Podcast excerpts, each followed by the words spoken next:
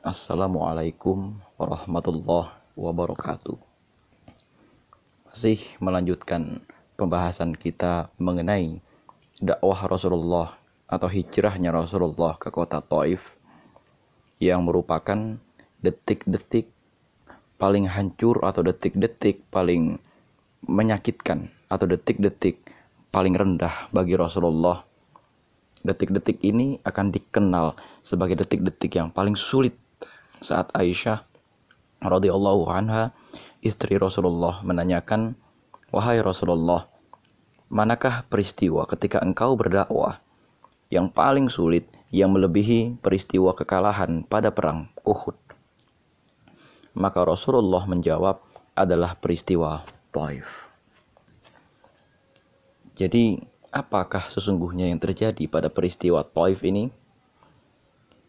Pada peristiwa Taif ini sebetulnya yang terjadi adalah saat itu rombongan kira-kira 90 orang atau 87 orang dari orang Mekah pada saat itu yang telah memeluk Islam telah hijrah ke Habasyah.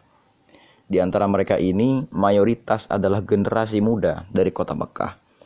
Dan Rasulullah pada saat itu jelas menimpa atau ditimpakan kemurkaan dari segenap warga Mekah terutama generasi tua. Karena Rasulullah di sini berhasil melakukan sebuah rekayasa sosial ketika satu generasi milenial dari kota Mekah ternyata memilih memeluk Islam dan bahkan memilih meninggalkan negerinya, memilih meninggalkan orang tuanya untuk hijrah ke Habasyah di bawah perlindungan dari Raja Najasyi yang bahkan Raja Najasyi ini masuk Islam. Selanjutnya, bukan hanya Raja Najasyi ini masuk Islam dan kemudian Habasyah menjadi satu benteng perlindungan yang baru, tapi kemudian juga ternyata Rasulullah ini membuka front baru. Hanya saja, kenapa Habasyah tidak dijadikan satu benteng front yang kemudian aktif berdakwah di sana, tapi kemudian hanya semacam dijadikan tempat perlindungan? Tampaknya di sini Rasulullah sangat menyadari ada satu kekuatan besar yang saat itu belum mungkin untuk dilawan. Karena apa? Kerajaan Habasyah pada saat itu adalah kerajaan bawahan dari kerajaan Romawi Timur.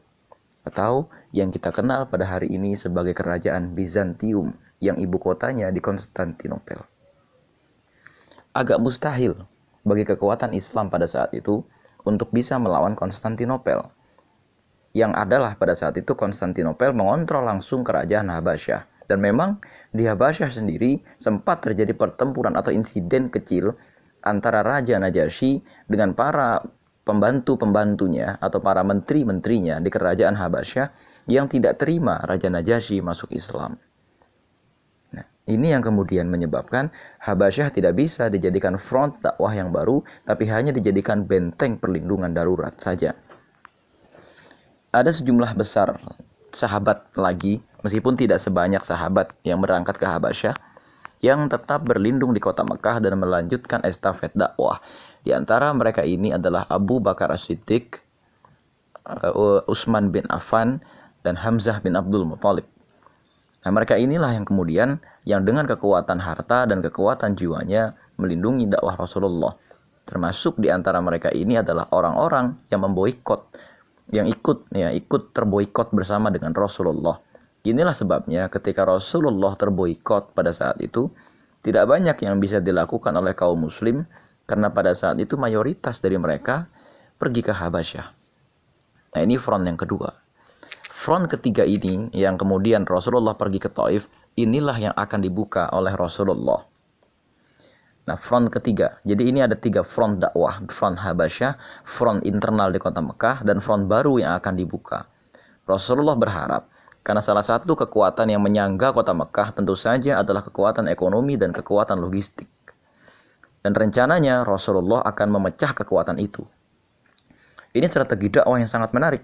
Ketika Rasulullah itu pada saat itu ternyata paham sekali bagaimana topangan-topangan ekonomi atau pilar-pilar ekonomi yang menyangga kota Mekah. Saat itu, kota Mekah merasa menang, kota Mekah itu merasa hebat dan kuat lantaran sistem kehidupan atau sistem peradaban yang saat itu terbangun.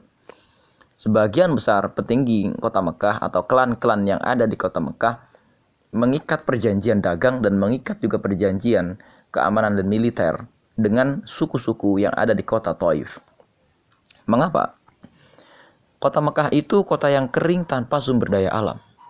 Sementara kota Taif itu adalah kota yang makmur sekali dengan sumber daya alam, yaitu menghasilkan bahan-bahan pangan, seperti di antaranya adalah kurma, ya, bawang, Eh, dan di antaranya lagi sayur mayur, buah-buahan gitu ya, yang memang pada saat itu dibutuhkan oleh kota Mekah. Dan Rasulullah dengan cerdik mengetahui ini semua.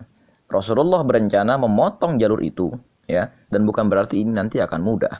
Tapi Rasulullah rencananya akan langsung menemui pemimpin dari kota itu. Nah, ini di sini gitu ya, ini terletak kecerdasan dakwahnya Rasulullah. Pertama, Rasulullah itu kan kemudian tidak begitu saja terhanyut gitu ya dalam perjuangannya yang seolah-olah membela kaum tertindas. Tidak. Tapi yang jadi persoalan di sini adalah dakwah Islam itu memang universal. Dakwah Islam itu adalah perbaikan peradaban, bukan mengangkat harkat satu kelas saja dan kemudian menghinakan satu kelas yang lain. Inilah terletak titik garis perbedaan antara ajaran Islam dengan ajaran komunisme. Apa bedanya? Ajaran Islam dengan ajaran komunisme itu, kalau ajaran komunis ini pasti menitik beratkan kepada aksi masa kelas buruh dan kelas tani, di mana memang mayoritas kelas buruh dan pada saat itu juga kelas tani di kota Mekah itu masuk Islam baik memang oleh Rasulullah pada saat itu kelas buruh dan kelas tani ini mayoritas memeluk Islam dan bisa diagitasi untuk menentang al-malak atau al-malak ini dalam bahasa sederhananya adalah para pemimpin kota Mekah pada saat itu. Dan bisa saja Rasulullah datang ke kota Taif tidak menemui para pemimpin, tapi menemui kaum buruh dan kaum tani sebagaimana yang ada di kota Mekah dan kemudian melawan para pemimpin kota Taif. Ternyata tidak ada satu gagasan ya dari Haji Misbah dan Haji Ahmad Dasuki Siroj. Haji Misbah ini yang kita kenal sebagai Haji Merah yang pada saat itu turut membesarkan PKI di kota Surakarta atau Solo gitu ya. Dan Ahmad Dasuki Siroj, Ki Haji Ahmad Dasuki Siroj yang merupakan juru bicara Partai Komunis Indonesia pada tahun 1950-an hingga 1960-an. Beliau mengatakan ajaran Islam sangat sesuai dengan ajaran komunisme. Betul secara prinsipil memang mirip ajaran Islam dengan ajaran komunisme. Meskipun secara prinsipil Islam menitik beratkan penghilangan semua kelas dan semua orang semua kelas itu menitik beratkan tugas kelasnya pada penghambaan kepada Allah. Sedangkan ajaran komunis, tugas kelasnya itu adalah untuk menyamaratakan kemakmuran dan lain-lain, memaksimalkan faktor produksi dan lain-lain. Tapi fokus dakwahnya itu berbeda. Ya, kalau e, Islam komunis atau komunisme itu fokus dakwahnya kepada kelas buruh dan kelas tani, strategi Rasulullah ketika datang ke kota Taif, kenapa tidak langsung menyentuh kelas buruh dan kelas tani, tapi memilih mendakwahi al-mala atau para pemimpin kota Taif terlebih dahulu. Padahal yang ingin disasar Rasulullah adalah menghancurkan pasokan logistik, pasokan makanan, dan sistem perekonomian kota Mekah yang pada saat itu memang terjadi dualisme sistem Eh, sistem yang menitik beratkan kepada dua poros. Poros kota Mekah sebagai konsumen dan sebagai kapital pembeli dan poros kota Taif sebagai produsen yang dalam hal ini sebagai kalangan-kalangan proletar yang merupakan pemasok sumber daya. Karena memang sejak awal fokus ajaran agama Islam itu bukan pada mengadvokasi kalangan buruh saja, tapi perbaikan peradaban. Ini titik letak bedanya. Perbaikan peradaban sudah barang tentu akhirnya akan menghubungkan elemen-elemen kemasyarakatan. Elemen-elemen kemasyarakatan itu termasuk adalah kalangan para pemimpin yang borjuis yang harus disikapi setara dengan kaum tani, bukan disikapi menjadi musuh. Memang pada saat itu kebijakan-kebijakan yang diproduksi oleh kalangan-kalangan borjuis inilah ya yang menyebabkan ketidakteraturan atau yang menyebabkan kehancuran sendi-sendi peradaban yang seperti dibahas pada surat Al-Fajr atau dibahas juga dalam surat Al-Lail bahwa memang inti dari ajaran agama Islam yang disebarkan pada saat itu adalah mengembalikan tanggung jawab para kapitalis, tanggung jawab para orang kaya untuk bisa saling menyerukan memberi makan kepada orang miskin. Tapi ternyata yang disasar dakwahnya oleh Rasulullah bukan kemudian orang miskinnya itu dijadikan e, agitator, tapi orang-orang kayanya juga disadarkan dan ini para pemimpin juga disadarkan mengenai seruan Islam. Tentu Rasulullah menjelaskan kepada para pemimpin kota Taif, ini Islam tawarannya begini, begini, begini, begini, begini. Dan memang bahkan pada saat Rasulullah di kota Taif itu belum menemui seorang pun, langsung menemui para pemimpin kota Taif, Rasulullah itu langsung diusir.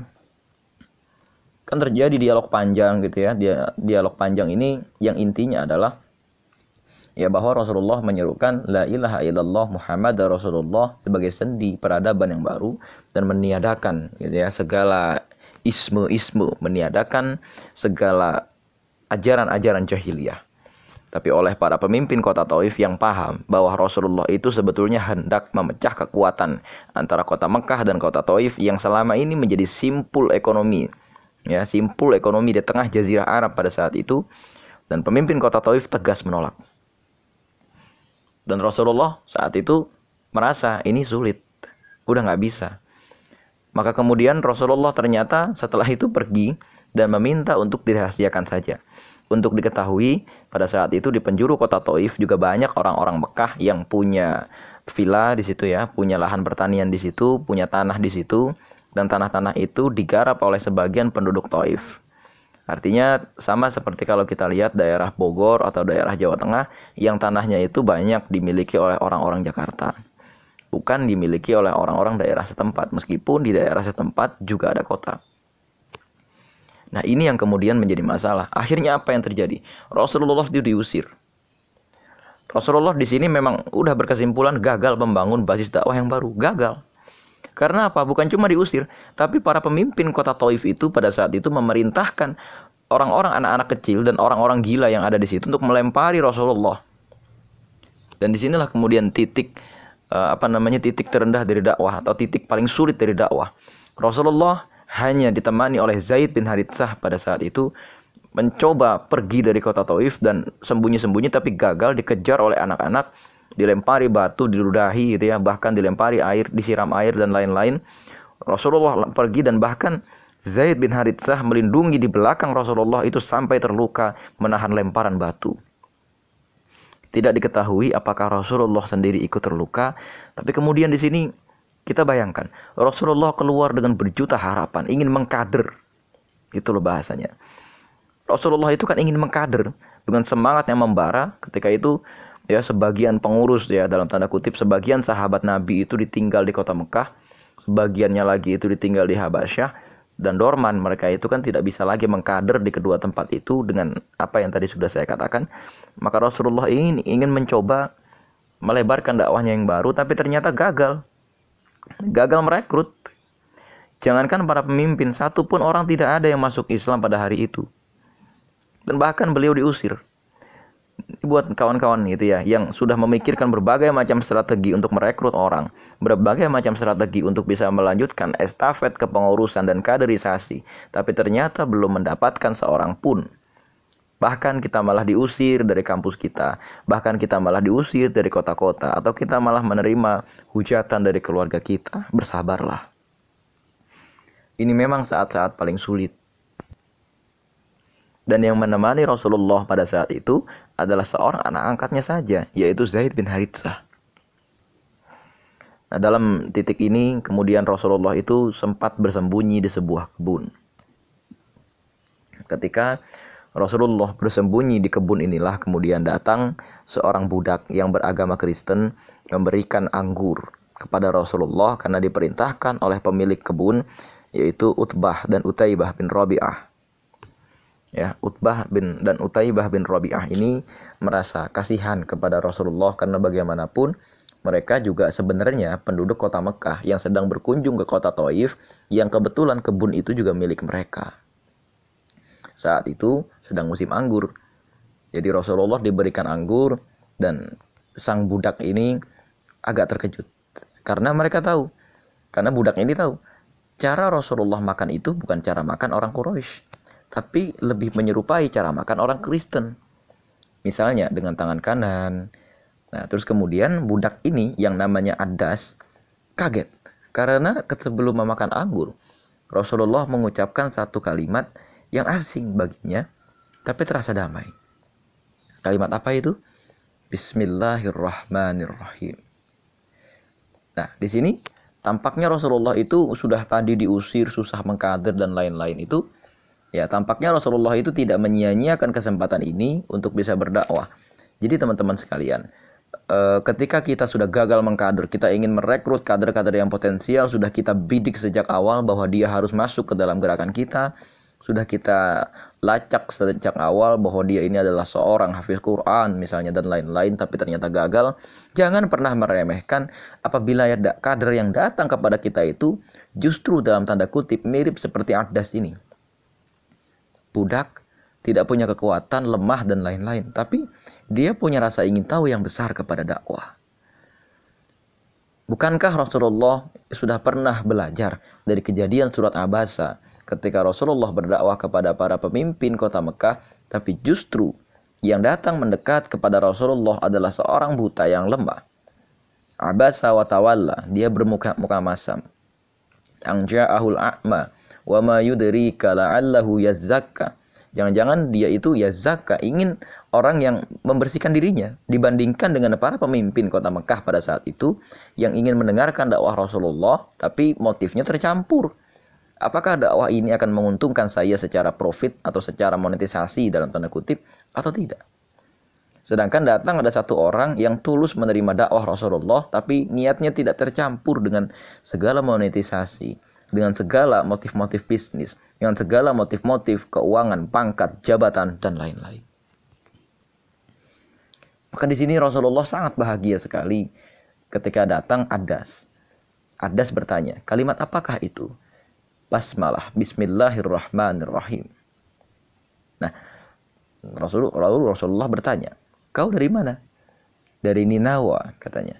Nah, Ninawa itu kemudian Rasulullah e, berbahasa basi dalam tanda kutip untuk mengambil hatinya. Ninawa. Ya, Ninawa. Saya juga punya saudara dari Ninawa. Namanya Yunus bin Matta. Yunus katanya, kaget Adas ini. Karena tidak seorang pun mengetahui Yunus kecuali orang ini pasti pemeluk agama Samawi. Karena Yunus itu ya dengan kisah eh, ikan pausnya itu kisah yang sangat terkenal sekali dalam agama Kristen dan agama Yahudi, tapi tidak terkenal di kalangan orang-orang Quraisy. Nah, singkat cerita, Rasulullah tidak menyerah dan mendakwahi Adas ini sehingga kemudian Adas itu masuk Islam. Ternyata majikannya memperhatikan dari kejauhan dan mengingatkan Adas ketika Adas sudah kembali dari Rasulullah. Hati-hati, orang itu sudah menyesatkanmu, itu katanya. Kata Adas, tidak, dia membawa satu seruan yang baik. Nah, kemudian di sini gitu ya, kita melihat Rasulullah itu tidak pernah menyepelekan orang yang dalam tanda kutip begini. Kita tentu pernah merencanakan dakwah ini, kita tentu pernah merencanakan satu kegiatan dakwah yang besar sekali, tapi kemudian ternyata hasilnya tidak seperti yang kita harapkan. Ternyata kita ada undangan daurah yang datang cuma satu. Sudah gitu orang ini orang lemah yang tidak kita harapkan sama sekali. Kenapa kita harus memasang wajah masam? Kenapa kita harus menyerah? Kenapa kita harus e, berkecil hati misalnya? Sama seperti Rasulullah, beliau tidak berkecil hati meskipun yang datang hanyalah seorang budak yang bernama Adas. Sedangkan misi dakwahnya ke kota Taif adalah untuk memotong roda gigi. Dalam tanda kutip ya, roda gigi ekonomi dan logistik kota Mekah. Tapi jangankan memotong roda gigi, bahkan beliau malah diusir. Ini kemudian penting bagi kita. Jangan pernah meremehkan dakwah ini sedikit pun. Dan kemudian mari kita lihat di sini Betapa beruntungnya orang-orang yang hari ini ada di sebuah lembaga dakwah, tapi lembaga dakwah itu berada dalam keadaan yang paling sulit, dalam keadaan yang paling terasing. Diusir dari berbagai kampus, kekurangan dana. Ya, tidak ada kader yang cukup kuat untuk menjalankan program-program kerja dakwah. Ketika mengkader, ketika merekrut orang, membuka pendaftaran, yang datang cuma satu, dua. Itu pun bukan kader yang kita harapkan. Ini kader masih harus diajari banyak hal dulu Lalu apa urusannya? Betapa bahagianya Zaid bin Harithah yang mendampingi Rasulullah di saat-saat paling sulit dari dakwah ini. Rekan-rekan sekalian, betapa banyak atau berapa sih orang yang kemudian sepanjang sejarah sirah nabawiyah itu punya keberuntungan semacam Zaid bin Harithah? mendampingi dakwah ini ketika kondisi dakwah ini ada dalam kondisi yang paling sulit? Berapa orang? Sepanjang kejadian sirah nabawiyah, orang-orang semacam ini hanya sedikit. Khadijah, Ali bin Abi Thalib, Zaid bin Haritsah, Abu Bakar Siddiq. Kemudian ketika perang Uhud, ya di sana ada Abu Talhah, ada Abu Bakar Siddiq lagi, ada Umar bin Khattab. Ketika perang Hunain, ada Abbas, ada Abu Sufyan bin Harith. Hanya sedikit orang-orang semacam ini yang kemudian pada saat-saat terdalam, saat-saat paling sulit dari dakwah, Allah memilih dia untuk tetap bertahan dalam gerakan ini dan Allah memilih dia ya karena mungkin Allah menganggap orang inilah yang pantas untuk mengembangkan dakwah ini dalam kondisi paling sulitnya. Mengapa kita harus mengeluh? Mengapa kita harus ke sana kemari, petantang, petenteng? Ya, dalam kondisi yang sulit semacam itu, lalu curhat kita kepada senior misalnya kan, ingin membubarkan saja gerakan ini. Curhat kepada ustadz misalnya kan sudah tidak ada lagi keberkahan dalam gerakan ini. Atau jangan-jangan ya bersuuzon kepada kawan sendiri. Jangan-jangan kita ini tidak tulus dalam dakwah dan lain-lain. Kenapa harus seperti itu kawan-kawan sekalian? Jangan-jangan kitalah Zaid bin Haritsah di masa ini. Yang dipilih oleh Allah untuk ada dan bertahan di garis depan dakwah dalam kondisi yang paling sulit dalam kondisi kita sedang diusir, dalam kondisi kita sedang menjadi musuh di mana-mana, dalam kondisi pengkaderan tidak ada yang mendaftar, tapi ada pun satu yang mendaftar adalah orang yang betul-betul tidak kita harapkan, dan itu pun jumlahnya hanya satu. Kita keluar dalam keadaan hina, dan kemudian kembali pun juga dalam keadaan hina, padahal dalam benak kepala kita ada sebuah rencana besar perbaikan bagi kota ini, perbaikan bagi negeri ini, perbaikan bagi bangsa ini. Tapi kenyataannya di dunia nyata, kita adalah orang terusir Lalu kenapa kita resah? Bukankah kita ini sesungguhnya jangan-jangan adalah Zaid bin Haritsah yang dipilih oleh Allah sebagai martir yang ketika batu-batu itu melayang ingin menimpa tubuh Rasulullah, tubuh Zaidlah yang dipilih untuk menjadi tameng Rasulullah. Ketika orang-orang di Taif mengejar Rasulullah, ingin membunuh Rasulullah, ingin merajam Rasulullah, Bukankah kaki-kaki Zaidlah, bukankah punggung Zaidlah yang dipilih oleh Allah sebagai tameng untuk melindungi dakwah ini agar estafet dakwah ini agar untuk berlanjut? Betapa banyak atau berapa banyak sih orang yang kemudian punya keistimewaan semacam ini? Allah memilih punggungnya, Allah memilih kakinya, Allah memilih kepalanya. Allah memilih tangannya untuk melindungi dakwah ini di saat-saatnya yang paling sulit, saat-saatnya yang paling rendah, bahkan saat-saatnya yang paling terusir. Kawan-kawan sekalian, barangkali Allah sedang memilih punggung kita untuk ya sebagai punggung yang kuat mempertahankan dakwah ini, mempertahankan segala ancaman gitu ya yang datang kepada gerakan dakwah Betapa beruntungnya kita ketika Allah memilih kepala kita sebagai kepala yang pusing memikirkan dakwah ini. Betapa beruntungnya kita ketika Allah memilih kaki kita sebagai kaki yang terus berjalan, terus berlari untuk mempertahankan dakwah ini. Jangan menyerah, rekan-rekan sekalian. Jangan menyerah. Sebagaimana Rasulullah yang kemudian sama sekali tidak menyerah. Ya, bahkan ketika malaikat azab itu datang, Rasulullah menolak untuk mengazab. Assalamualaikum warahmatullahi wabarakatuh.